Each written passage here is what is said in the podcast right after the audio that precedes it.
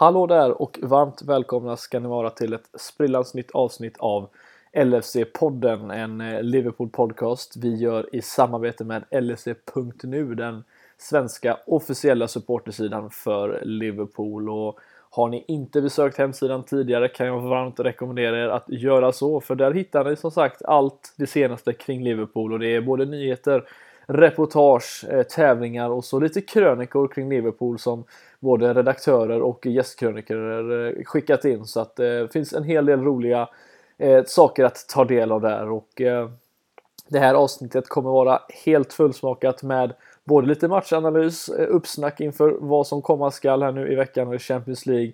Men så kommer vi även diskutera lite kring Financial Fair Play och eh, ja, det Liverpool försöker slå sig emot helt enkelt. Så att eh, ta del av detta genom att eh, hänga kvar lite så kör vi igång det senaste avsnittet här. Mm.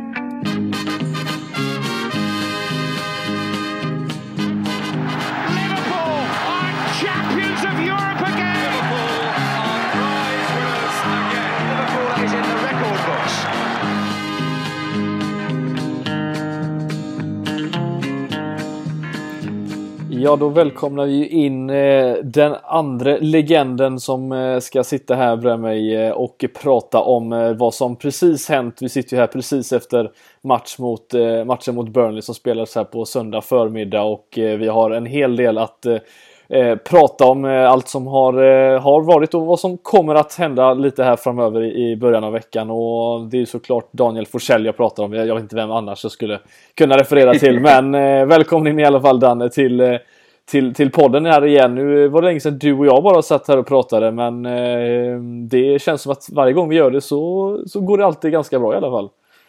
Ja, men så är det. Det är väl ett, eh, en positiv jinx av det. Jag, jag sitter själv, men jag får passa på att säga direkt att jag sitter med en liten förkylning här. Så om folk tycker att jag låter konstigt eller någonting så får man eh, hålla till godo med det här eh, närmaste timmen. Och det är ju som du säger, vi sitter ju... Det är ovanligt att vi sitter så här snabbt in på match. Liksom, bollarna har knappt slutat rulla på Anfield än. Men, eller snön, eller haglet har snabbt har inte lagt sig än.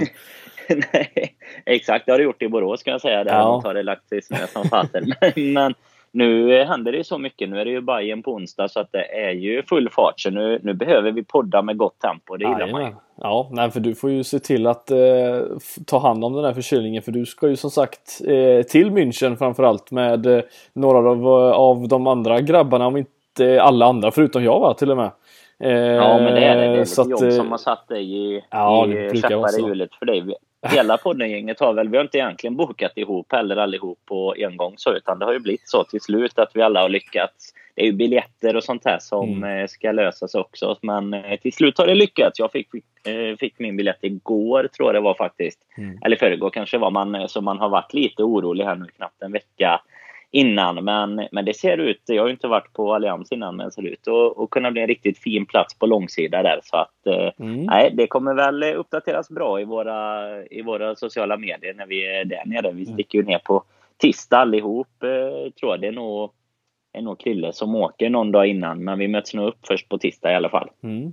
Har ni några speciella planer utöver matchen? Eh, jag vet inte vad det finns att, uppleva i, Tyskland. Jag har inte varit där särskilt mycket, i alla fall inte i München. Men... Nej, men jag tror inte att vi har några direkta så här eh, grejer i München som vi har kikat. Det finns ju några grejer som är kopplade till eh, matchen snarare då. Det är ju en sån här, eh, likt det avsnittet jag och Jocke gjorde när vi var i Paris, så kommer det ju vara en sån här boss night. Ja, när Jimmy Webster kör, ja, då, vi sjunger upp liksom ett par timmar inför matchen och sen eh, tror jag även att det finns någon typ, något torg liksom som, som Liverpool har eh, sagt lite att det är här som eh, ja, som vi kommer mötas upp inför matchen och, och sådär. Så att det, det, brukar ju vara ganska bra ändå tycker jag. Borta, alltså information för bortasupportrar. Typ eh, ja, försök ses här, eh, vi kommer ha de här bitarna här. Alltså så att det, så att man försöker att samla många på samma ställe och det är ju det som, som också gör det jäkligt kul. Så att det kommer att vara full fokus på det i och med att onsdagen blir ju matchdag om man säger så hela dagen. Och och tisdagen så får man väl känna lite på München då och se om, om ölen är kall och, och sådär. ja, det bör den vara. Ja, för, men ni har ju som sagt, ni har ju varit på lite senaste gången eh, några av grabbarna i alla fall var iväg, var ju du med också. I, i Porto gick det ju bra visserligen. Eh, så att vi kan väl hoppas på ett liknande resultat Jag vet inte om det känns Absolut. lämpligt, tänkte jag säga. Det gör det ju, men om det känns logiskt. Men eh, ingenting är logiskt när det gäller Liverpool just, eh, just nu känns det som, så att varför inte?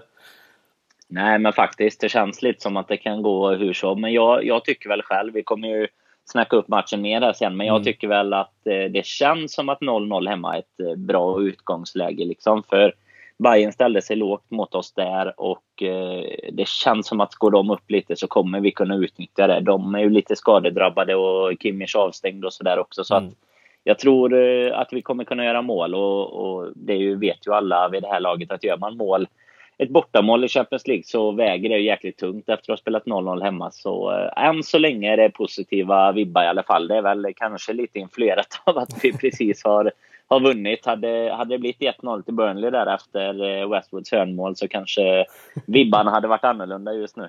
Ja, nej, du har helt rätt i det och det är som sagt det var en, en fin övergång till det som jag eh, tänkte att vi skulle egentligen prata om också för nu när det är så pass färskt. Det är ju som sagt City såg vi igår eh, ta ett fyr, fyrpoängs eh, avstånd till oss genom att slå eh, Watford på hemmaplan. Eh, så att inte jag kollar på matchen, men det räckte att eh, egentligen logga in på, på, på Twitter och liknande för att se att eh, 1-0 målet eh, diskuterades och sen så rullade det bara på för Raheem Sterling som gjorde hattrick på 13 minuter, något sånt där. Och, och City som sagt eh, övertygade igen får vi säga, även fast de eh, släppte in ett mål där eh, tätt inpå. Men eh, vi behövde ju göra jobbet Danny idag och eh, vi kan väl säga med, med facit hand, det gjorde vi fast vi gjorde det lite jobbigare än vad, vi, vad det borde ha varit kanske.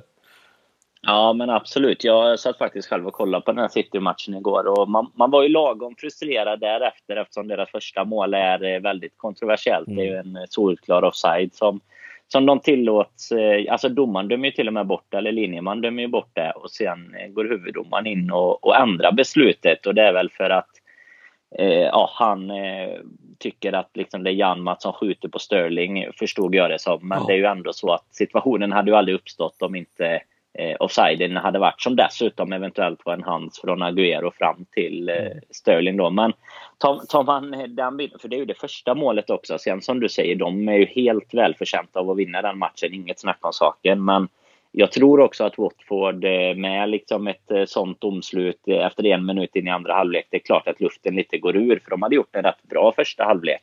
Mm. Och det känns som att City har inte riktigt kommit upp i sin nivå nu. De spelade 1-0 mot Bournemouth matchen innan och sen 1-0 mot West Ham på straff där innan. Så att de har ju verkligen haft marginalerna med sig och så sätter vi igång våran match och så hinner det gå ett par minuter och så är det liksom ja, ett hörnmål som vi nämnde, men eh, inte nog med det så är ju Alisson neddragen av två betongklumpar i straffområdet. så då känner man ju... Jag är liksom ingen sån jätteförespråkare för VAR sen innan, men först igår och nu idag så då, då kände man ju att nu, nu blir det ett sånt här avsnitt vi ska spela in liksom, där man får eh, beklaga sig. Nu löste vi det till slut, men, men en tuff start tyckte jag. Jag vet inte, vad kände du när hörnan segla in och det inte kom någon avblåsning. Eh, kändes det uppgivet liksom? Ja, men eh, känslan började väl eh, lite, ja egentligen innan hörnan slogs med tanke på hur, hur det uppstod eh, från första början. Eh, sett till att Matip mm.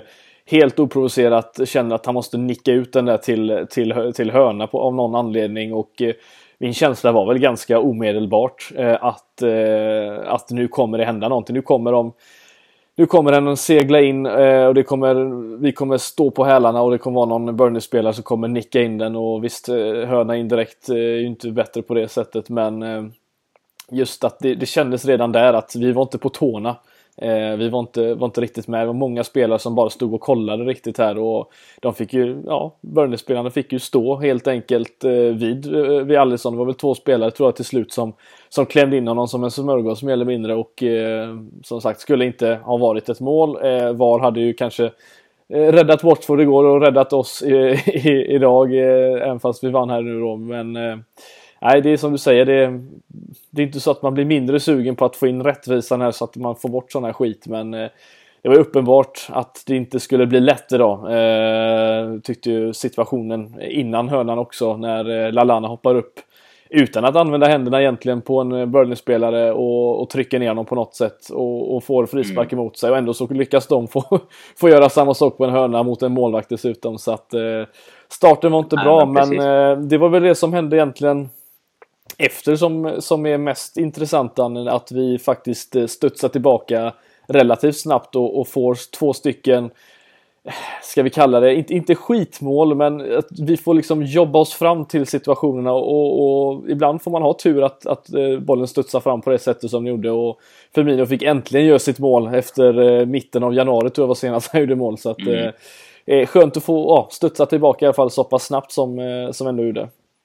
Nej, men så är det ju. Det är ju väldigt mycket av hela liksom, lagets karaktär definieras ju faktiskt i hur man eh, kan eh, ta, ta emot sådana motgångar som det här hörnmålet blir. Det är klart att ingen direkt hade räknat med att Burnley skulle ta ledningen tidigt och man, man hade väl en känsla av att eh, vi liksom skulle föra matchen, vilket det sen också blev. Och då är det ju viktigt att man kan reagera och fortsätta spela sitt spel trots ett sådant bakslag då. Och som du säger, det är underbart att eh, Firmino får komma in i protokollet igen. Och jag tycker Lalana, du nämnde ju honom i den här situationen. Mm. Tänkte vi skulle prata om honom alldeles strax också. ja, men precis. Han får frisparken emot sig där redan. Där kände jag så här, fan han är lite på gång idag. Och, mm. och det var han ju. Alltså, nästa mål som kommer sen är ju, är ju hans mål egentligen. Han eh, gör en superblock, eh, liksom riktig Burnley-block gör han ju egentligen som letar sig fram mot eh, Salah och eller är det Taylor, någon av dem mm. som touchar den fram till Mané när han gör 2-1 sen då. Så eh, han gjorde en riktigt bra första 25-30 där och, och vi reagerade tillräckligt snabbt för, för att man inte skulle hinna bli riktigt orolig heller kanske. Man var väl såklart precis när målet kom, 1-0, då var man väl lite orolig men ja, man vet ju att det finns tid och, och spelar vi vårt spel så ska vi väl göra minst två kassar på Burnley. Så var väl mina tankar i alla fall. Och, men det är klart, går det för lång tid då hinner man ju bli orolig och då är det viktigt att vi, att vi fick in ledningsmålet så fort också och ändå spelade så pass bra som vi gjorde tycker jag. Ja, nej men eh, precis. Och vi, vi kan väl ta och stanna vid, vid eh, som sagt bland som vi nämnde här. Han eh, var ju många som hade hoppats i alla fall att att Shakir eller Keita skulle kunna få starta igen sett till eh, frånvaron de har varit nu. Klopp har ju varit ute och pratat om om, om båda två. Shakiri, att han har varit lite småskadad. Har inte varit eh, riktigt hundraprocentig. Och när han pratade om Keita, då var det snarare att mm, ibland att man måste anpassa sig efter motstånd. Eh, mm. Och vilket man får, ja, man får läsa, läsa det lite hur man vill. Men eh, jag, jag känner att det är rent skitsnack rakt igenom. Det är inte så att vi an behöver anpassa oss egentligen på det sättet heller. Jag tror det har, har att göra med att Keita kanske inte bara kommit in på, i, i, laget på samma sätt som man hade kanske hoppats. Men eh, eh nu fick Lallana ta, ta den här platsen istället och enligt Klopp så, så har han varit fantastisk på träningen och eh, eh, var, ja, förtjänar helt enkelt den här platsen. Och vi, vi, vi som eh, sitter i den här podden har väl uttryckt oss ganska mycket om Lallana, om eh, att han känns slut som fotbollsspelare, att han är inte den här spelaren han var när, när Klopp kom till Liverpool för några år sedan här. Men eh, vi får väl ändå säga att som du sa, första halvtimmen då, då är han eh, direkt in, inblandad i, i målen. Eh, framförallt i det andra och eh, en fantastisk första halvlek får vi ändå säga. Eh, även fast det tapp, ja, går ner i tempo lite i andra, men första halvlek eh, riktigt bra. Mm. Absolut, och jag eh, var väl inte... Alltså, det, man blir lite förvånad när man ser elvan och han är uttagen, men man var inte lika förvånad som när han blev inbytt eh, på Goodison och sådär. Så, nej, för nu precis. var det ändå... Nej, nu kändes det ju ändå som att okej, okay, nu har Klopp markerat här att han går före dem, så att det var inte riktigt lika chockartat att eh, han faktiskt har den platsen. Sen, man får inte glömma det som du nämnde där när Klopp kom in, eh, givetvis en helt annan truppsituation då, men då var han ju en av de bättre spelarna i början där i alla fall. Han blev ju utsedd till Englands bästa spelare också i ett år. Och det är klart att han har haft, alltså han är ju en riktig glaslirare. Vi har ju haft många sådana och har många sådana som har varit skadade väldigt mycket. Eh, och det är klart, man vet inte vart det hade varit om han hade kunnat få lite mer kontinuerlig speltid. Men samtidigt känns det ju som att han tillhör lite det här gamla Liverpool. Mm. Vi har ju pratat om det innan med när vi när vi avslutar då med Henderson, eh, Milner och Lalana på plan liksom, eh, mot Everton där, då känner man lite det här att vi har ju kommit in i en ny fas nu där vi förhoppningsvis i alla fall ska kunna vara ett eh, topplag i, i många år framöver. Det känns som vi har tagit det sista klivet. Och det är väl det, det liksom som gör att man blir mer förvånad sen. Att, eh, att han kanske denna veckan, denna söndagen, är en bättre lämpad spelare att starta än, än Keita. Det tycker jag ändå är upp till Klopp. Jag, jag blir lite förvånad över liksom Alltså man, man får gärna ha åsikter och jag kan själv tycka att liksom, ja, det är konstigt att han startar. Men vissa har ju liksom dömt ut det till en förlust innan matchen ens har börjat, känns mm. det som, bara för att en sån spelare startar. Och det, så mycket skillnad kommer det liksom inte göra, utan det som jag tycker vi får jämfört med kanske inte, alltså det vi får av egentligen först och främst Keita Shakiri, men nu också då kanske lite mer Lalana än vad man får av Henderson och Milner, det är ju den här rörelsen och, och liksom positionsbytena. Ja, han följer ju med upp i anfallen på ett annat sätt. Ja, det är precis. precis det vi behöver egentligen ibland. En, en fjärde jo. attackerande spelare och inte bara de tre där framme. Nej, och särskilt i en sån här match, liksom när vi ändå förväntar oss att vi ska vara spelförande. Det hade varit en annan sak kanske om det var City eller Tottenham eller United eller något som var, var motståndet. Men här vet vi ju till 90 procent att Sean kommer ställa sina gubbar på rätt sida, vara väldigt noggranna och sådär. Och då, då är det viktigt att man får lite rörelse. Och det är väl det är det som, som Klopp då har, har sett att Lalana är kanske mer lämpad för just nu, där vi, tror jag, tyckare vid sidan av liksom tycker att eh, det verkligen är där Keita och Shakiri egentligen passar in. Eh, att det liksom blir lite mer rörelse i anfallsspelet och, och den här biten. Men det, det gick ju bra idag i alla fall. Han, eh, han ska ha kudos för den uttagningen. För Lalana gör ju en av sina bästa matcher liksom på de två senaste åren i alla fall, även om de är lätträknade såklart. Men inhoppen och sådär har ju inte varit briljanta och eh, detta såg ju ändå ja, riktigt fint ut och kan han hålla den här formen de sista matcherna så kan han ändå bli en liten injektion i truppen om nu inte Keita till exempel kommer upp i sin riktiga nivå sådär. Så eh, nej, det var positivt att ta med sig. Mm. Sen ska vi tillägga att det var en, en bra ett bra läge att, att få en, en prestation från Lalana med tanke på hur, hur platt eh, Wijnaldum var idag. Eh, får vi också säga. Mm. Han bidrog inte alls med mycket var, var slarvig. I, vann inte, han brukar vinna de flesta eh, närkamperna han, han, går in i men den här, idag var han, eh, var han inte riktigt sig själv och då är det som sagt eh, skönt att, att de andra två på mittfältet gör, gör jobbet och kommer upp i en betydligt högre nivå. Fabinho var ju också fantastisk idag. Mm. men framförallt Jag tyckte inte som... Wijnaldum var jättebra mot Everton heller faktiskt. Nej. Man får ju hoppas att det liksom inte är någon, att det ska behöva vara ihållande nu. Det, han hade behövts de här sista matcherna men det är ju en liten orosklocka kanske, för jag håller med dig om att han inte, alltså långt ifrån gör sin bästa match idag, känns lite trögare kanske än vad mm. han har eh, vuxit ut till att vara den här säsongen. Han har ju blivit den här mittfältsgiganten liksom, eh, som verkligen är, är brytningssäker och kan driva upp bollen och sådär. Men det känns som att eh, med konkurrens nu från Lalana och du har ändå en Henderson. Ja, det har varit, vi har ju diskuterat i podden innan det här med hur, hur gärna Klopp vill starta med någon av sina kaptener. Liksom. Och, och sen så har du en Oxlade som är lite halvt på väg tillbaka. Mm. Så, eh, så gäller det att han steppar upp lite här nu om, om han ska kunna vara med i, Champions League och Premier League-slutet eh, ja, här egentligen. Mm. Känner du att, eh, som sagt, du nämnde Wijnaldum, eh, är, är, det, är det, ska man ha, ha tålamodet nu i det sista och hoppas att det, det faktiskt släpper? Han har, som du säger, han har ju inte ja, kommit upp i sin, sin höga nivå och, och även fast han inte är den här spelaren som liksom sticker ut och dominerar på det sättet eh, att, att göra mål och assist hela tiden så är han ju ändå den spelaren som vinner tillbaka boll, eh, täcker mycket, mycket yta och gör jobbet på det sättet. Men känner du nu att det är, att det är dags att liksom hitta en annan spelare i det här fallet nu då som, som skapar lite mer så att vi, för att nu handlar ju allt om att vinna matcher. Vi kan ju inte gå och kryssa oss vidare längre utan vi måste ta alla tre poängen och, och, det kanske man gör mest med, med lite extra mål från mittfältet. Vad känner du där? Nej, men jag tror väl att eh, kikar man till matchen på onsdag till exempel, Bayern, då skulle jag ju definitivt spela honom. Mm. Jag skulle nog vilja göra det i de här lite större matcherna som kommer.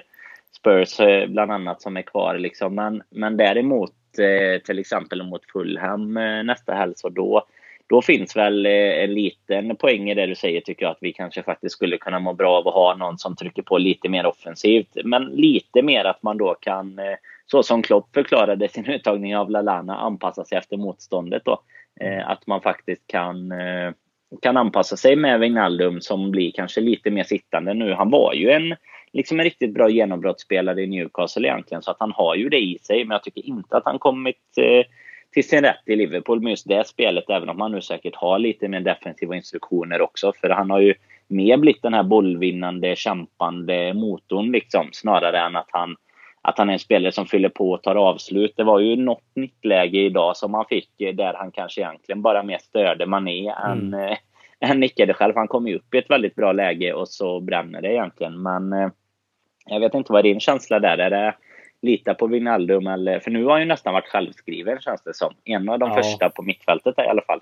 Men vad känner alltså, du framåt? Jag, jag, känner väl att, eh, att jag, alltså jag har ju höga förhoppningar på Wijnaldum. Jag, jag har ju som sagt sett honom innan, eh, innan Newcastle-tiden i PSV och det var en spelare som, som man visste skulle, skulle bli något riktigt bra. Eh, tycker att han har jag vet inte om han har förändrats som fotbollsspelare eller tappat identiteten efter vad, vad det var för spelare han var då. För där var han en, en box-till-box mittfältare som, eh, som faktiskt följde med upp i anfallen. Eh, var han ju Newcastle också för den delen och gjorde en hel del mål. Han, han har ju en, eh, en, eh, liksom en kvalitet i det sättet att, att följa med upp. Men sen kanske han får andra instruktioner nu att stanna tillbaka och låta den andra mittfältaren vid sidan, på andra sidan Fabinho följa med upp. Jag vet inte men vi, vi, skulle ju ha råd med att kunna få två stycken mittfältspelare som följer med upp hela tiden. Så pass stabila och snabba är vi på att ställa om till försvar igen. Så att, eh...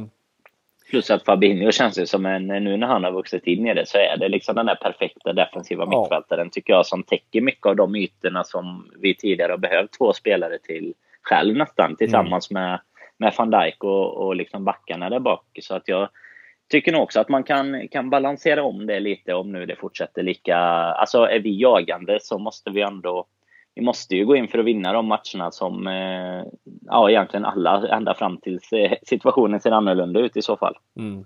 Jo men sen, sen är ju Fabinho, eller förlåt mig, Wijnaldum är ingen spelare i en match man byter in när man vill få en förändring till att, att jaga en match utan det är ju en spelare man mm. normalt sett tar av för att jaga någonting och det är väl egentligen det som gör att man kanske ska ha honom startandes ofta. Det har ju gått bra med honom som sagt eh, sen, eh, tidigare under säsongen. Ehm, så att det kanske är mer att hitta den där tredje spelaren som Lalana blev idag då som man kanske byter mm. ut och hittar eh, därefter. Men idag gick det i alla fall bra men det kommer bli tuffa matcher framöver. Som sagt två stycken tuffa hemmamatcher mot topplag både Chelsea och Tottenham som innan säsongen är över. Så det kommer bli matcher då han kommer behövas extra mycket. Så att vi får väl hoppas att han kommer tillbaka till den, den fina formen han hade i, i början av säsongen för då var han ju bland de absolut bästa spelarna i, i laget. Men eh, det är väl så med spelare, det går upp och ner hela tiden Anne. Mm, så är det ju. Det kan man nog ta en liten diskussion om nästan allihop känns ja. som någon, någon, gång. Så att det är klart att det är alltid lätt att sitta och säga men sen eh, har man en spelare som har gjort liksom 30 matcher i i ligan kanske så, så är det klart man inte bara byter för förändringens skull det sista Nej. heller. Utan någonstans så är det ju ändå laget som, eh, ja, som har tagit oss dit vi är. Som på något sätt kommer få jobba de sista matcherna också för att, att få det ända i mål. För hur mycket man än gillar till exempel en spelare som Oxlade som är på väg tillbaka så är det svårt att se att han liksom ska komma in och starta de sista matcherna när han liksom inte har spelat på ett helt år. Man, det, man glömmer lätt det här att det är mycket annat som påverkar och hela dynamiken i laget och sen såklart hur formen och sådär. Hur, hur bra tränade spelarna har kunnat vara under året med. Så har man kontinuiteten, det har man ju sett i väldigt många lag så är det oftast det som brukar resultera sen i, i slutändan faktiskt. Mm, nej men precis. Eh, det finns dock en spelare Danne som eh, faktiskt eh, kan vara bra en hel säsong. Jag vet inte om du vet vem jag tänker på?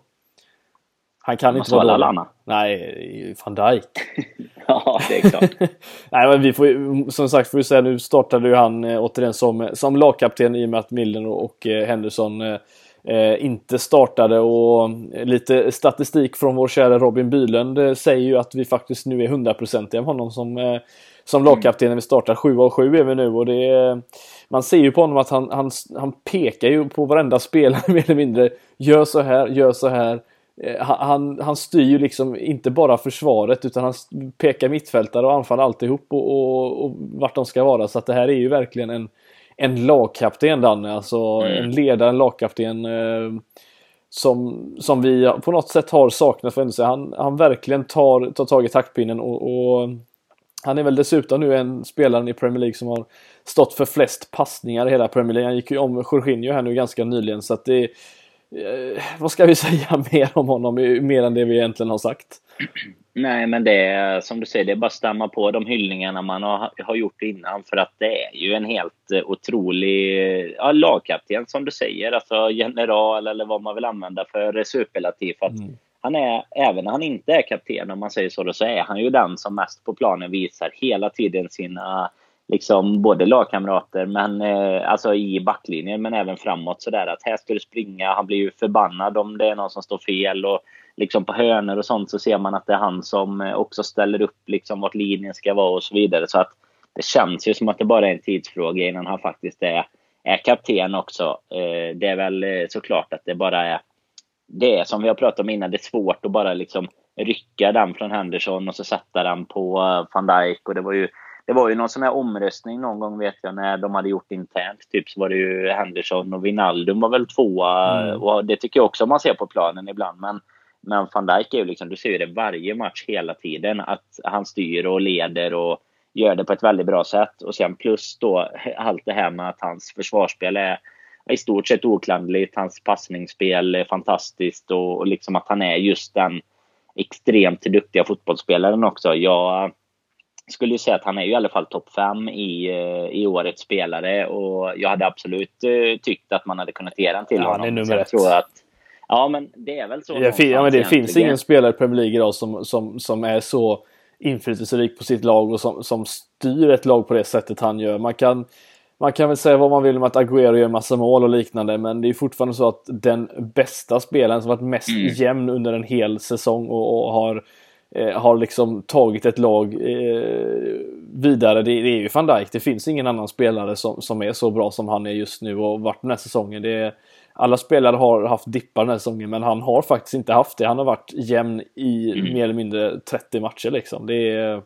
det är helt sjukt. Problemet är ju alltid, problemet är alltid det som du nämner också, det med att eh, Agüero då gör, leder skytteligan nu och gör målen. Det känns på något sätt som att det alltid är de offensiva spelarna som mm. får den typen av utmärkelse. Liksom. Men du är helt rätt i det du säger, att det finns egentligen ingen eh, bland dem om man tittar i, i skytteligan. Jag menar, vi har ju själva Sala nu som har stått på, på 17 ett tag här och var eh, skytteligaledare länge också, men liksom har en lite sämre period nu. Agüero har haft en sämre period. Alla de har haft sämre perioder.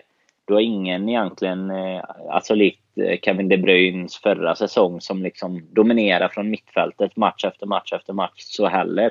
Så att där har du egentligen van Dijk kvar. Så mm. Eh, nej, vi... Eh, vi, vi fastslår det väl? Ja, jag tycker ja, det. vi gör det. Podden ja, breakar att eh, årets spelare är van Dijk. Ja, nej men det känns som att det, det, jag, jag, kan inte se något, oavsett om vi vinner ligan eller inte så, så har han varit den bästa spelaren. Det Alltså skulle vi vinna ligan så finns det inget snack, tänker jag. Då kan de inte ens välja någon nej. annan. Det är lite det som yes. skulle kunna vara att vinna City, för nu är det ju ändå ett liksom two horse race. Eh, nu när Tottenham är avsågade och då, då är det väl så att de skulle kunna se det som att Agüero eller någon skulle ta den bara för det. Men kanske inte med, med rätt fakta på bordet då egentligen. Nej, precis. Nej, det, vi har ju varit, eh, varit solida får vi ändå säga, men 2019 för oss har ju varit ett eh, ett lite mer turbulent år än vad, eh, vad andra halvan av 2018 var. Vi eh, som, slapp, som har nu då släppt in eh, nio mål våra senaste tio Premier League-matcher. Det är faktiskt ett mer mål än vad vi släppte in under de första 20 Danne, innan, innan nyår. Säger en hel del att vi som sagt släppte in lite onödiga mål. 3-2 målet får vi ändå säga idag var ju fruktansvärt mm. onödigt. Mm. Crystal Palace-matchen lika så samtidigt får vi igång anfallarna nu. Vi har ju som, som vi nämnde Salah i, i ganska nära skytteligatoppen. Mané nu i och med sina två mål idag uppe på, på 16. Eh, och sen har vi en, en Firmino som är uppe på 11 så att 44 mål mm. mellan de tre där framme. Eh, vi sa ju, jag tror till och med du och jag satt och pratade om det för någon i någon podd, kanske till och med förra säsongen att efter Salah där att, eh, att han gjorde så många mål. Att ibland är det bra att ha en sån spelare men samtidigt är det rätt skönt att ha tre stycken spelare framme som gör lätt många mål med. Och nu är vi i den situationen att vi har tre spelare som ligger på plus 10 mål eh, i mm. ligan och det, det gör ju en stor skillnad till slut.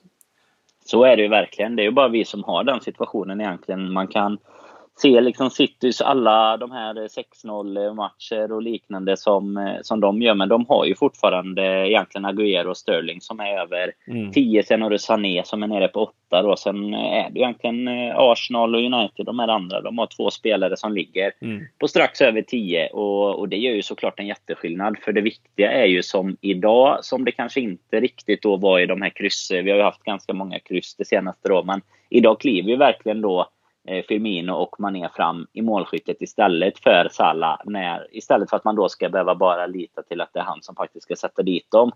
Eh, så då, det visar ju ex, hur extremt viktigt det är att få få det med sig och det är egentligen det som vi har tjatat om det senaste när vi inte har pratat om topptrion. Det har ju varit att eh, det egentligen är mittfältet som har bidragit med för lite och där fick vi väl fortfarande om man jämför med de andra topplagen lite illa till. Men så länge vi har de tre där fram som leverera som idag i alla fall, då, då kan vi nog känna oss ganska trygga. Men det har varit ett problem såklart att de inte har levererat i takt med att vi också har varit lite mindre solida defensivt då, även om liksom 17 insläppta på 30 matcher är ett otroligt bra facit. Så, så är det ju som du säger att vi har släppt in extremt mycket mer frekvent mål nu än vad vi gjorde första halvan av säsongen. Mm. Nej men precis. Det, vi visste ju att vi inte skulle kunna vara, släppa in, eh, hålla nollan på samma, lika många matcher hela tiden. Det känns som att det, det var inte hållbart utan det var väl snarare en fråga om att vi skulle börja släppa in lite mer mål och vi i förhoppning kanske skulle göra mer mål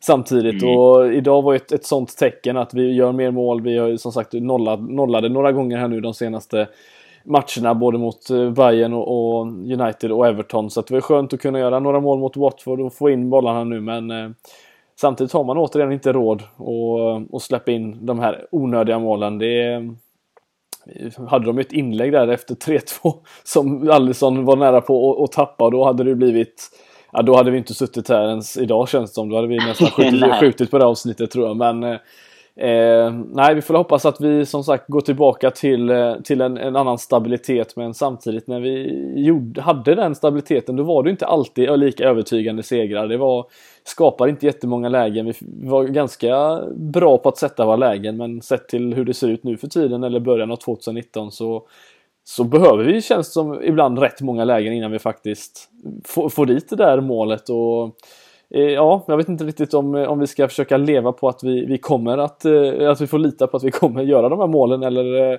hålla nollorna istället. Jag vet inte om vi ska försöka hitta en balans eller hur vi ska göra riktigt. Ja, det skulle väl vara det bästa att man, att man någonstans hittade liksom balansen i det. Vi hade ju som du nämner i, i början av säsongen egentligen några uddamålssegrar där vi, där vi egentligen inte skapade särskilt mycket. Men lite likt City, eller det jag tycker City har gjort det senaste, att om man liksom har kunnat luta sig mot den individuella briljansen, att då kanske det var en, en Salah som klev fram och ändå gjorde ett eh, avgörande mål. Jag vet, vi hade ju både eh, Huddersfield borta var det väl och Brighton hemma. Det är ändå mm. sådana här matcher som man känner på förhand att man bara ska kunna Eh, köra över eh, lagen i liksom, och även Everton-matchen egentligen, Origis sena avgörande där. Alltså, det var väl kanske ingen individuell briljans i och för sig. Men, ja, det var väl eh, passningen andra... till målet. Ja, det är sant. Nej, men många av de här andra uddamålssegrarna också som liksom Ja, men man, man väntade ändå sig att kommer det ett läge så kommer den sitta och som du säger nu är det inte riktigt den känslan utan det var väl samma idag att vi hade väl ganska många lägen som vi hade kunnat förvalta lite bättre. Mm. Sen eh, vissa av de målen som, som faktiskt kom när vi ändå gör fyra mål, de kommer ju egentligen av lite tillfälligheter eller studsar eller eh, som som det tredje målet där Hiton egentligen, eh, det var väl vinden då kanske som, som satte den direkt nere på, på Salah. Liksom bara. Ja. Ja, men precis. Ja, nej, men det var en, en vinst som eh, var välbehövlig. Vi eh, tar nya tag mot, eh, som sagt, nästa helg igen mot, mot Fulham på bortaplan. Men det kommer ju en, en match däremellan, Danne, också, som vi ska diskutera. Mm. Och den kommer du vara på plats på. Bayern mm. München. 0-0 slutade ju första matchen, en match som som det kändes som att vi skulle gjort någonting bättre av. Eh, Bayern var väl egentligen på, på besök för att släppa in ett mål kändes det som. Vi, vi hade ju möjligheterna och eh, borde ha tagit dem även fast det inte var jättemånga lägen. Men eh, hur, är, hur är din känsla inför eh, det kommande mötet här nu med, med Bayern när vi eh, som sagt, det räcker ju med ett, ett, mål egentligen och sen kan vi kryssa oss eh, igenom. Men eh, tror att det är fallet när Liverpool är på besök i, på Allians Arena? Jag tror ju att det finns eh, all potential att bli en riktigt eh, cool match liksom för att Bayern måste gå framåt och vi eh, är ju så i och för sig är vi ju bättre på att försvara nu för tiden som vi precis har diskuterat då men vi är ju ändå ett lag som har våra största kvaliteter i kanske kontringsspel och det här snabba spelet, pressspelet framåt egentligen. Så att jag tror att det kan bli en riktigt bra match eh, underhållningsmässigt, även för den som inte håller på något av lagen. Men sen som jag nämnde i början av avsnittet här så är nog ändå känslan att vi jag tycker att vi går in lite som eh, liksom favoriter till att gå vidare egentligen, även om det givetvis räcker med en seger, eller vad man ska kalla det, för Bayern också hemma. Nu har ju de eh, ångat på lite i sin inhemska liga här, eh, men det kanske kan vara bra. De kanske är, är lite mer mätta eller någonting i, i Champions League-mötet nu. Men, eh, nej, men jag tror att vi faktiskt kan, kan ta oss vidare där. Det räcker ju, som du säger, med ett kryss så länge det inte är 0-0. Då är det ju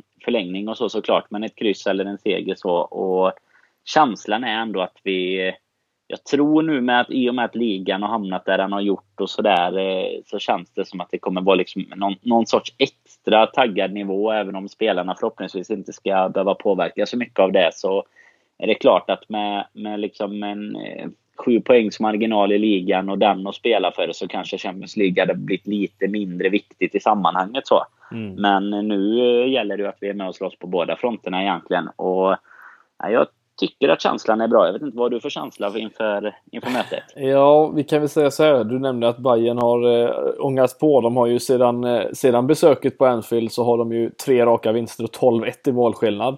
Eh, så 6-0 vann de ju senast här men sen hade de ju en, en 5-1 vinst på bortaplan innan, och innan dess en, en 1-0 vinst mot Hoffenheim. Så de har ju verkligen ångat på som du nämner eh, fast de har gjort det på ett sätt som jag kanske inte trodde de skulle göra riktigt. Eh, med så många mål. Så att eh, mål har de i sig. Jag tror återigen vi kommer, den här matchen kommer inte bli mållös från Bayerns håll. Jag, jag tror båda lagen kommer göra mål men eh, eh, jag ser ju att vi har störst chans att, att gå in i den här matchen som att vi måste vinna matchen för att gå vidare. Alltså, vi, jag tror inte vi kan spela på ett resultat här. Jag har svårt att se Klopp göra det. Jag har aldrig tyckt att han är särskilt bra på det överhuvudtaget.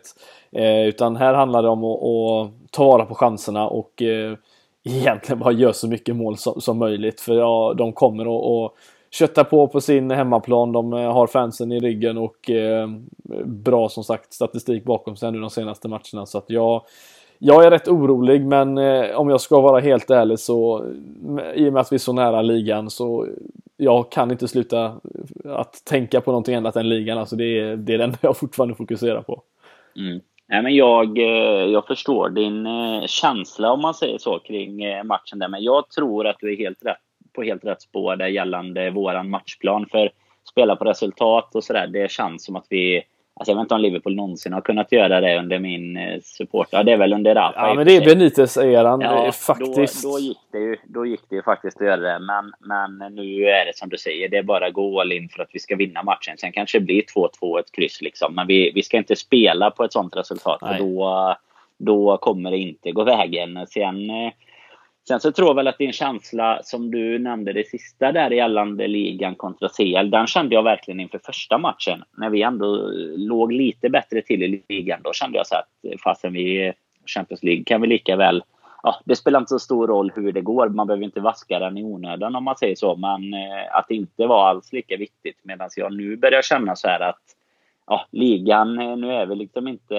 i förarsätet. Och nu vill man slåss på båda fronterna, även om det såklart eh, man i alla gånger hellre hade åkt ut här än att förlora de två kommande i ligan och känna att racet är kört. Då, då hade man ju mycket hellre valt att lämna CL. Liksom. Ja. Eh, men eh, det känns som att det blir en liten annan bit för fansen med. För jag tror som, som jag sa innan, hade vi legat en 6-7 poäng före så tror jag att de flesta hade känt att detta inte var alls lika viktigt. Utan då hade vi hellre kunnat fokusera på på bara spela hem en ligatitel. Sen är det klart att känslan blir alltid lite mer positiv när man ska åka dit också. På något sätt tror man ju att, eh, att man ska kunna skrika fram sina gubbar även om man kanske inte hörs där riktigt på, på rad 75 eller någonting på Allians. Så kanske man inte hörs ända fram. Men man får göra sitt bästa. Det får man göra. Nej, men vi har ju borta, bra bortafans så att eh, nog kommer man höra dig och, och resten av grabbarna. Ni, ni får lägga upp en sån skylt till mig tror jag. Eh, vi saknar dig Fredrik eller något sånt där. Ja, det får det bli. Vinka till mig. Ja, nej, det verkar det... för bäst chans, för bäst chans att den ska synas i TV ska man ju alltid skriva att man har rest långt för att få någons tröja med. Så jag kan skriva att vi har rest långt för att få Sallas tröja och saknar Fredrik Eidefors på plats. Ja, eller Mignolets, Mignolets shorts. Absolut. De, de har han ändå på sig. Ja, nej, ja. men det är intressant. Vad, eh, vi kom ju dit förra matchen så var det ju, eh, var ju van Dijk avstängd. Eh, så det var inget, ingen spelare vi hade att kunna lita på då. Nu är han ju tillbaka den här matchen. Däremot får vi säga nu för de som var, höll lite koll på, på matchen idag och inte bara satt och bit på naglarna så eh, Eh, eller bet på naglarna, så gick, såg det ut som att Trent faktiskt hade lite, var lite eh, sådär haltandes av när han gick av eh, i, i slutet av matchen. Eh, vet inte om det hade att göra med att det kanske var någon, eh, någon liten känning eller liknande, men eh, det verkar som att han inte var helt och hållet 100% när han gick av där Danne, så frågan är hur, eh, vad vi ska läsa av det, om vi kanske behöver visserligen vänta in vad, vad, de, har, vad, vad de kommer säga, men det hade varit fruktansvärt jobbigt att, att få honom eh, eh, att missa den här matchen. Ja, verkligen. Det korta tiden efter matchen som man hann kika på lite sociala medier och sådär. Eh, efter, eller innan vi satte oss här och spelade in så verkar det ändå som att det är någon liten eh, känning liksom. Men, men sen om den är över om, om ett par timmar eller om det är något som kommer att hålla honom utanför träning, det får vi väl reservera oss för här eh, fram tills eh, kanske imorgon eller någonting i alla mm. fall. Men det hade varit riktigt tungt för som vi kikar på liksom innan, innan matchen bland annat då så, så är det ju Trent och Robertson. De är extremt viktiga för vårt anfallsspel. De eh, pratade om i studion att det var de två, förutom Kimmich faktiskt, som är avstängd mot oss nu, som har stått för flest assist bland alla försvarsspelare i hela Europa denna mm. säsongen. De har ju åtta respektive sex assist där och det såg man ju när eh, Trent kom tillbaka mot Watford hur viktig han är. Sen att han inte gör sin allra bästa match idag kanske, men eh, skulle haft en han assist. har ändå. Ja, faktiskt. och Robertson det... borde haft ett mål om bara hade släppt den här bollen.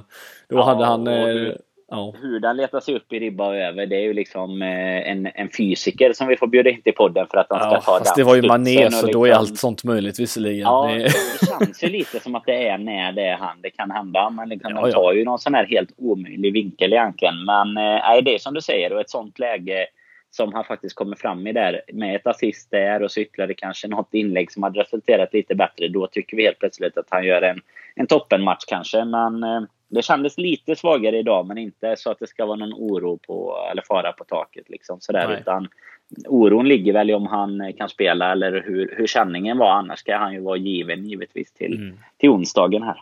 Precis. På tal om, om skador så nämnde du en spelare förut som vi kan eh, nämna lite, lite snabbt här också som eh, väldigt goda nyheter i eh, samtidigt som lite dåliga nyheter hur man nu ska se det. Men eh, eh Oxlade Chamberlain äntligen tillbaka. Eh, spelare för eh, U23 mot Darbys, eh, Derby County och eh, skulle väl egentligen bara fått 45 minuter eh, dessutom men eh, ja, blev utbytt några minuter innan halvtid efter en, en liten muskelskada som det verkar vet jag inte om du har läst dig på ytterligare vad status är på honom men eh, det verkar inte vara samma skada i alla fall som han, eh, han varit borta nu under, vad är det, nästan 11 månader eller vad det är. Han har varit, eh, varit borta så att hur, hur, hur är status? Vad, vad tror vi om, om Chamberlain här?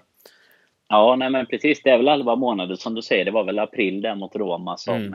som han drog och sen fick operera knät och sådär. Och sen känns det väl som eh, att det man har, det som liksom har sipprat ut från klubben eh, så, så verkar det ju som du var inne på det att det ska vara en muskelskada som, som ju faktiskt lätt uppstår när man kommer in i matchsituationer jämfört med liksom rehabträning och den typen som han har hållit på med nu egentligen det senaste året då. Och eh, är det så så kommer det egentligen vara ett litet bakslag såklart, men inget som är ett jättestort hinder för honom att ta sig, eh, alltså det tar någon vecka, mm. två kanske extra. Nu är det klart att vi är i slutet på säsongen så att eh, skulle han in och spela så kan det spela en extremt stor roll. Men jag tror väl inte att man kanske, alltså det är bara en bonus som han får spela den här säsongen. Eh, annars så förbereds ju han inför nästa säsong egentligen. Men det ska inte röra sig om samma skada i alla fall och det är väl det absolut viktigaste. För är det ett bakslag på en liksom opererad skada då skulle han ju kunna vara borta i tre, fyra månader till. Liksom. Mm. Det är lite, så sitter ju haft det nu med De Bruyne faktiskt. Han har varit borta för samma grej nu eh, två eller tre gånger och, och, då blir det liksom en månad blir två, blir tre. Alltså det, tiden går jäkligt fort just vad gäller den typen av skador faktiskt. Ja. Nej, precis. Och det Ja, vi vill ju såklart ha tillbaka honom. Jag eh, hade faktiskt, eh, inte för att du frågade, men jag bara tycker det är lite roligt. Jag hade en, en dröm faktiskt för några veckor sedan om att han kom tillbaka och, och avgjorde ligan för oss. Det eh, känns som att det hade inte varit helt fel, men det är lite synd för att jag den här, alltså Chamberlain, vi, vi, jag tror inte det är någon som tycker illa om honom på något sätt. Alla, alla tycker väl om honom riktigt mycket och en fantastiskt bra spelare och eh, det bara känns som att det har varit en perfekt spelare nu att, att ha i, i slutspurten här mm. nu när vi eh, försöker jaga City som vi ändå gör. Eh. Där har du ändå en spelare som eh, du nämnde lite med när vi pratade om Wijnaldum tidigare. Så nämnde du att han är ingen som spelare man byter in för att ändra en matchbild Nej. eller liksom trycka på framåt. Men det är ju verkligen Oxlade egentligen. Han, mm han har ju den uspen lite liksom att han kan ju ändå komma in och förändra en matchbild eller driva mer boll från mittfältet. Lite som Keita och Shakiri också har. Alltså mer den typen av, av spelare som kan komma in och förändra en matchbild än vad Henderson, Milner, Wijnaldum, delvis Fabinho också sådär. Alltså de som är lite mer eh, säkrare passningsspelare. Alltså de, ja, mm. de, de tar inte riktigt de här sista riskerna alltid. Och där är ju Oxlade en eh, underbra, underbar spelare att ha som i liksom förra våren vid den här tiden när han väl kom igång. Han hade ju ändå ett halvår som som man hade det lite, lite trögt att komma igång också. Men eh, sen eh, när verkligen vi hittade positionerna och tillsammans med fronttrion och sådär så var ju han den här fjärde spelaren som, som vi så gärna vill ha som fyller på och gjorde ju några både riktigt fina mål men fantastiska insatser liksom också. Ja, nej precis. Det är, och sen har han ju en del, en grej som vi, som vi faktiskt inte pratar om särskilt mycket och det är ju att vi, vi gör ju inte särskilt mycket mål utanför straffområdet och det här är ju en spelare med en fantastisk bössa som vi sett mm. förra säsongen framförallt mot Manchester City gånger två. Eh, och det, ja, nej, det, det, känns som att det, det blir, eh, blir väldigt mycket eh, av det här inläggsspelet. Eh, kort, vad ska man kalla det, liksom inte riktigt utifrån hörnflaggan men mittfältsbollar som lobbas in bakom, straff, bakom försvararna som ska någon hitta det. Alltså det känns som att det, det, det går ju inte varenda gång att göra det. Man är lyckades nu mot Watford och Trent Alexander-Arnold hade två stycken riktigt bra passning, eh, passningar till honom. Men det känns som att vi behöver kunna vara lite mer flexibla i hur vi, hur vi gör våra mål också. Och idag var det ju väldigt lätt för för Burnley ett tag att, att, eh, för att stänga av oss att kunna skapa lägen. Det var ju mycket spel i backlinjen ut till Trent som sen skulle slå någon boll upp till Salah och så förlorade han den och så mm. gick om till anfall istället. Men kunna ha en spelare som kan driva bollen och sen faktiskt även kunna avsluta det med, med, med ett långskott eh, med den styrkan han har. Och, och så att nej, det, hoppas att han kommer tillbaka snart och att han eh, kan komma in i en liksom, matchform också och få vara en del av laget för att han jag tror att det är jättejobbigt för honom att se laget. Eller klart att han tycker det är kul att laget går bra, men han vill ju vara en del av det såklart. Han vill ju spela och, och, och vara en del i det här startelvan som han ska vara när han väl är frisk. Så att eh, vi hoppas att han är tillbaka väldigt snart Danne och det känns väl som eh, Dr. Danne hade lite koll på att det inte alltid för länge han behöver vara borta. Men eh, vi kan alltid hoppas. Absolut. Eh, så är det. Du, eh, på tal om Champions League nu då som vi, som vi nämnde. Det är ju, jag sa ju visserligen att jag har fokus på ligan men samtidigt kollar man vilka lag som är kvar i Champions League så är det en intressant mm. situation för jag tror det var länge sedan, eh, nu är det som sagt inte helt färdigt än men länge sedan det var så ja, dålig upplaga av storlag i ett slutspel.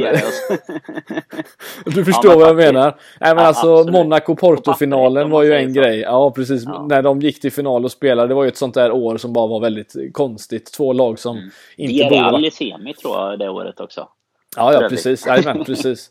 Eh, men som sagt nu, vi har ett Ajax vidare, vi har ett United vidare så att vi har ju liksom Real Madrid och, och, och PSG bara där borta. Ett Bayern som potentiellt kan försvinna om vi går vidare och sen mm. om Lyon gör jobbet så är ju Barcelona dessutom eh, borta ur, ur, ur leken. Då är det egentligen bara Manchester City av de storlagen kvar egentligen. Det är ju mm. en väldigt konstig situation eh, som vi kanske kan hamna i och det känns ju konstigt att säga om vi skulle åka ut men eh, inte, inte vill man se att Manchester United gå och vinna Champions League ett sånt här och det har ju varit fruktansvärt jobbigt.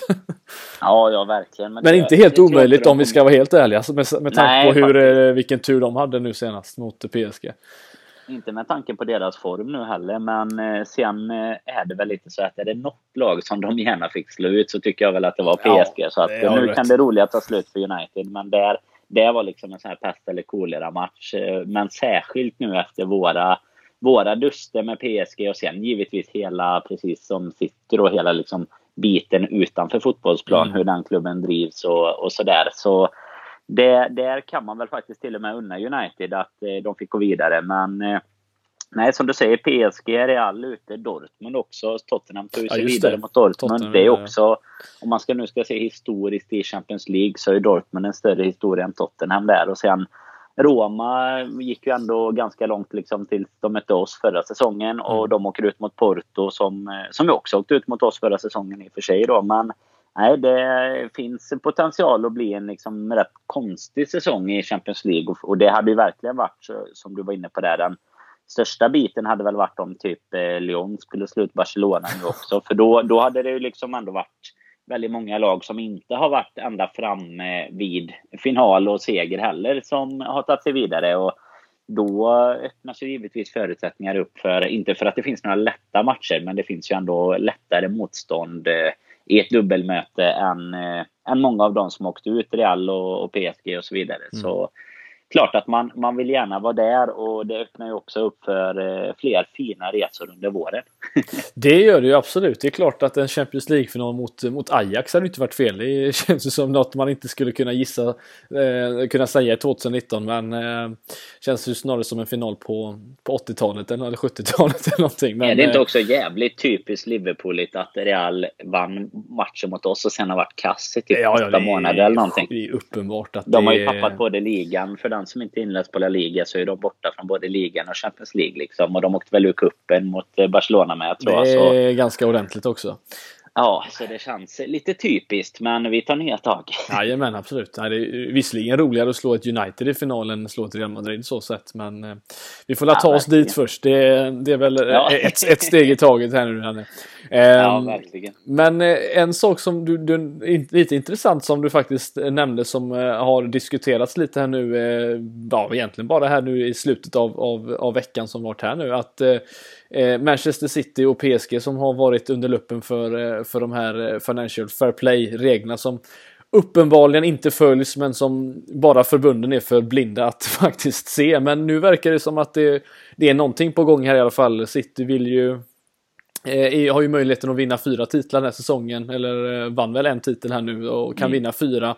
Men de utreds också samtidigt av fyra stycken förbund samtidigt så att eh, det här är ju något alldeles eh, extra får vi säga och kan ju faktiskt eh, åka på ordentliga smällar om, eh, om eh, det visar sig att det de har gjort kan bevisas på ett väldigt tydligt sätt också och det är inte bara Champions League men eh, det finns ju lag i, i ligan som kanske inte är Premier League vad jag vill minnas men Championship-lag har ju fått poängavdrag men inte för att det kanske skulle hända den här säsongen men man vet ju aldrig. Det är, det är väl troligare att man i så fall skulle starta nästa säsong säsong. Det är ju, givetvis är vi långt ifrån den situationen, men det ja. var väl efter, eh, om man minns rätt annars, eh, som det jag kommer ihåg som störst från uppväxten, om man säger. Det var ju hela den här skandalen i Italien med, med mutor och sådär, där eh, både Juventus och Inter och några till var började med med poängavdrag. Och som du säger så har det ju faktiskt hänt i, i ligor under Premier League. Mm. Sen är väl inte det den första Nej. sanktionen som kommer på tal. Men det är klart att eh, det, det, finns ju regelverk som är till för att följas och eh, uppenbarligen eh,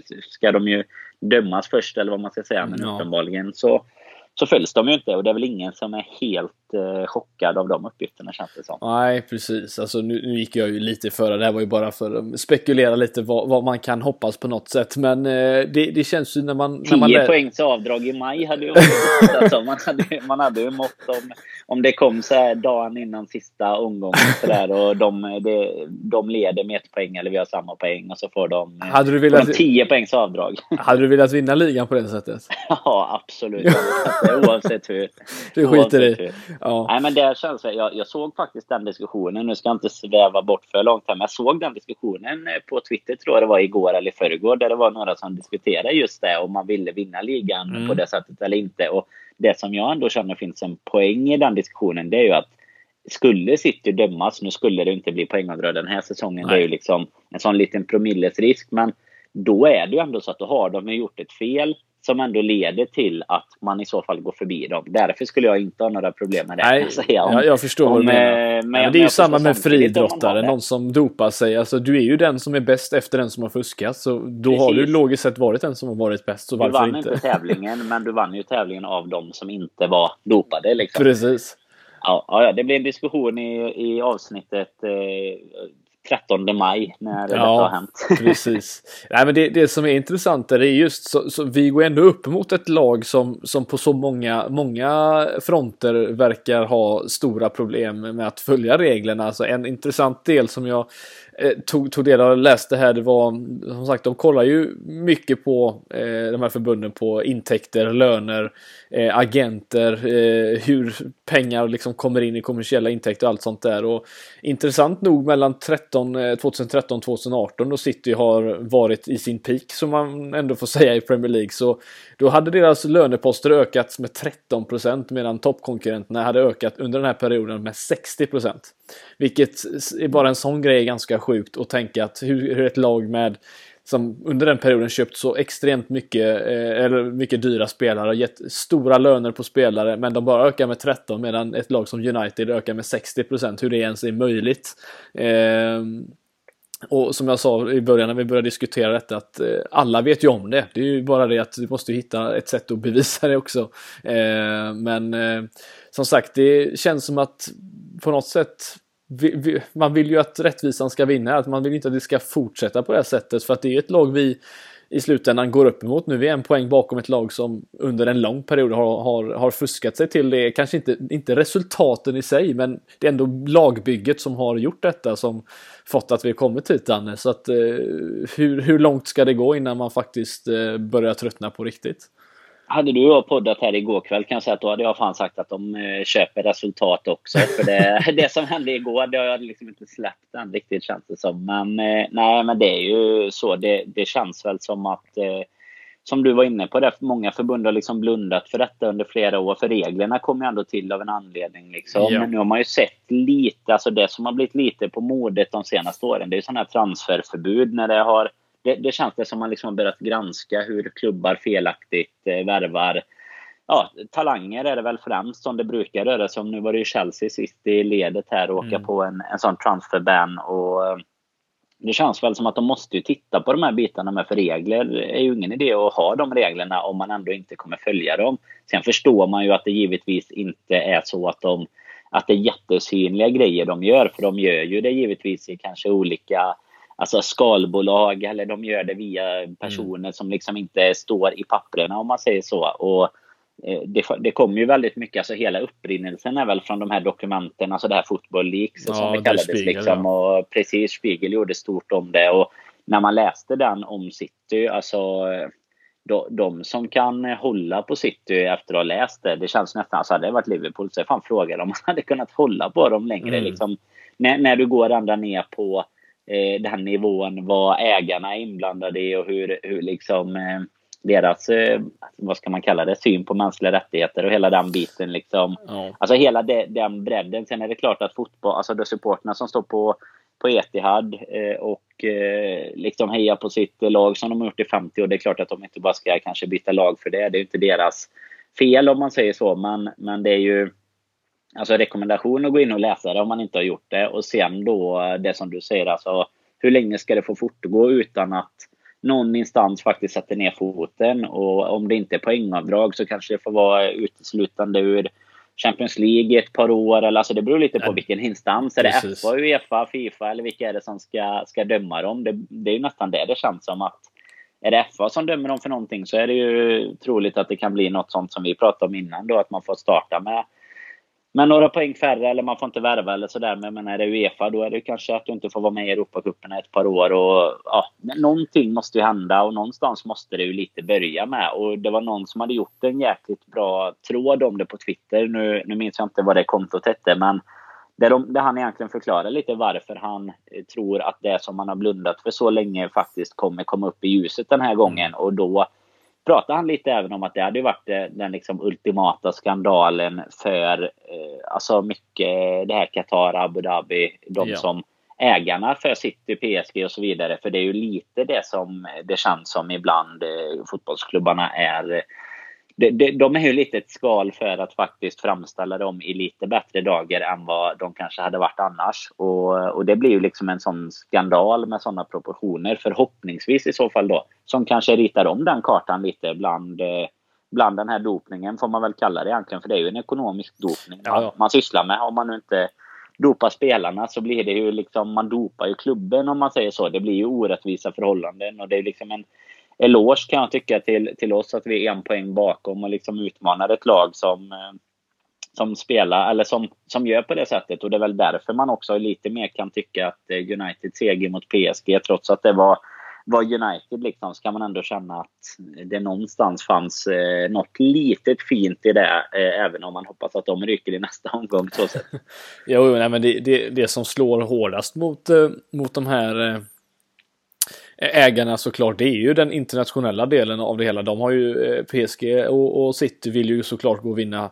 Champions League. Det är det absolut högst upp på listan av, mm. av allting egentligen. Och Eh, skulle City bli liksom eh, bannade mot, eh, mot Europaspel säg i tre säsonger eller någonting. Det hade varit fruktansvärt för dem. Det hade varit riktigt pinsamt och det hade varit eh, jag vet inte, det hade nästan det känns som att det varit slutet på det hela alltså på något sätt. Så det är ju verkligen eh, Det är ju där de vill synas mest. De, eh, klart att de mm. gärna vinner Premier League och erövrar England på det sättet. Men det är ju i Europa de, de, vill, er, eh, de vill vinna och det är ju där det som sagt slår hårdast om det skulle bli ett, ett förbud mot dem att, att spela. Och jag, jag ser det ju gärna oavsett vilket lag det än är. Jag vill ju inte vara ett, liksom, hålla på ett lag som försöker sig på det vi gör nu, gå plus i nettspänn för att vi ska på något sätt kunna eh, hämta in pengar på annat sätt. Alltså för att vara, bygga ett, ett, en klubb som som mår bra och som gör det på det rätta sättet. Det är ju det man vill. Eh, klart att det finns ägare som ska kunna pumpa in pengar men du måste ju följa reglerna. Det är ju egentligen det allting handlar om.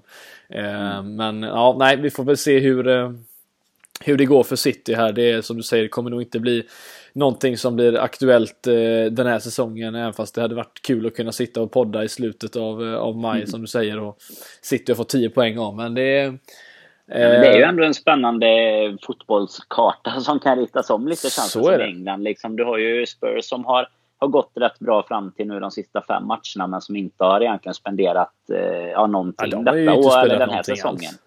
Nej, och som skulle kunna kanske spendera ganska mycket framåt. Där du har Chelsea då med ett, eh, alltså Romans problem med att komma in mm. i landet och visum och hela det här.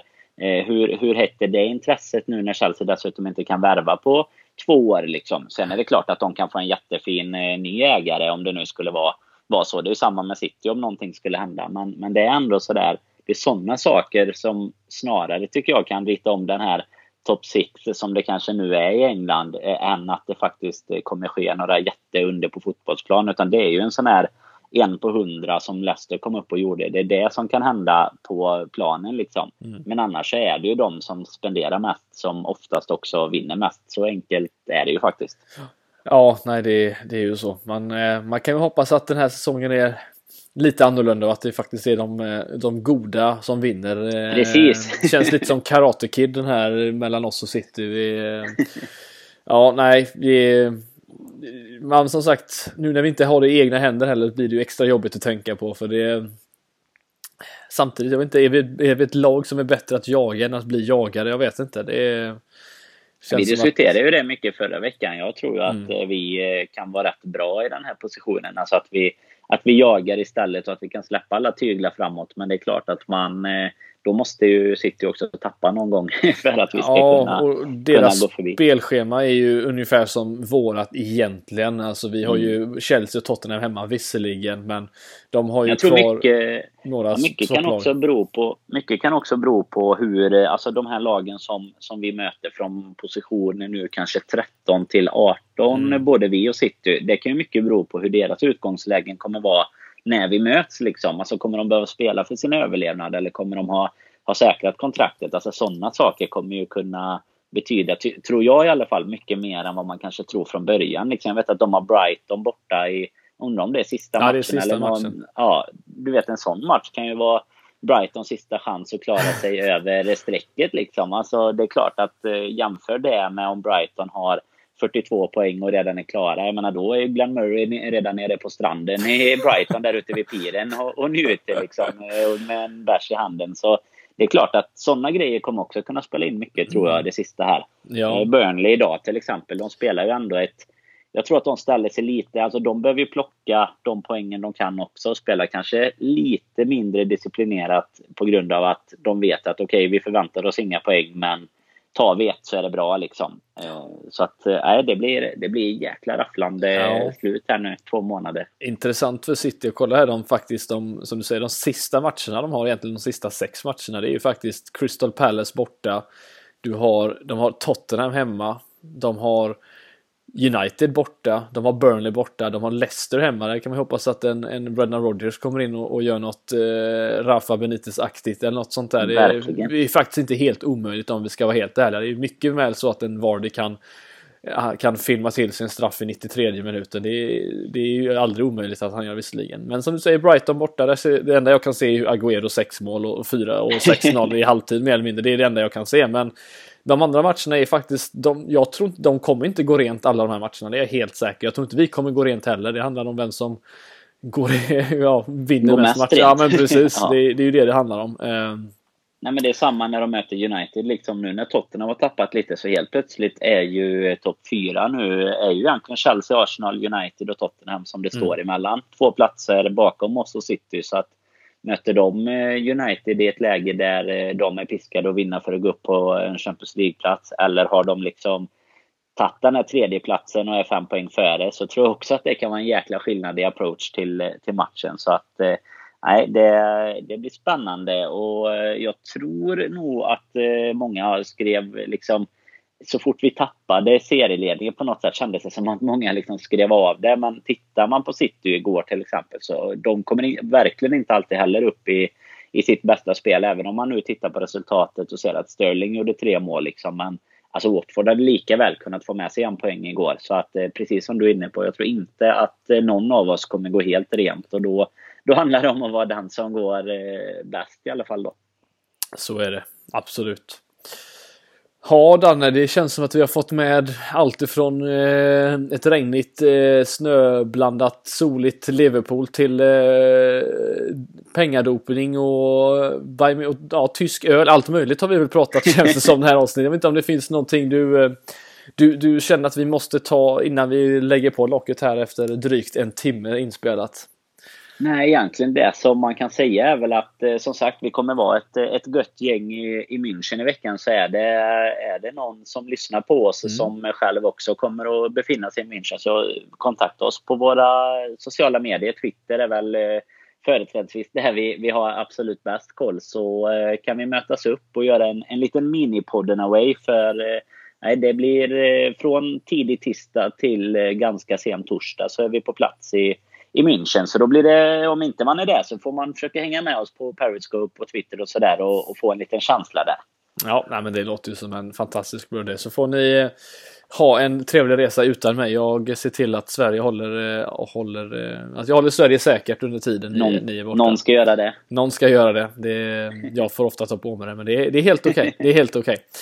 Men eh, som sagt, tack Danne för att du var med och eh, pratade om dagens match och det som komma skall. Ha en trevlig resa nu. Vi eh, tackar alla som lyssnar för att ni har lyssnat och så kanske några av er får, får träffa upp resten av gänget eh, i Tyskland som sagt. Men eh, tack för att ni lyssnade och så hörs vi snart igen.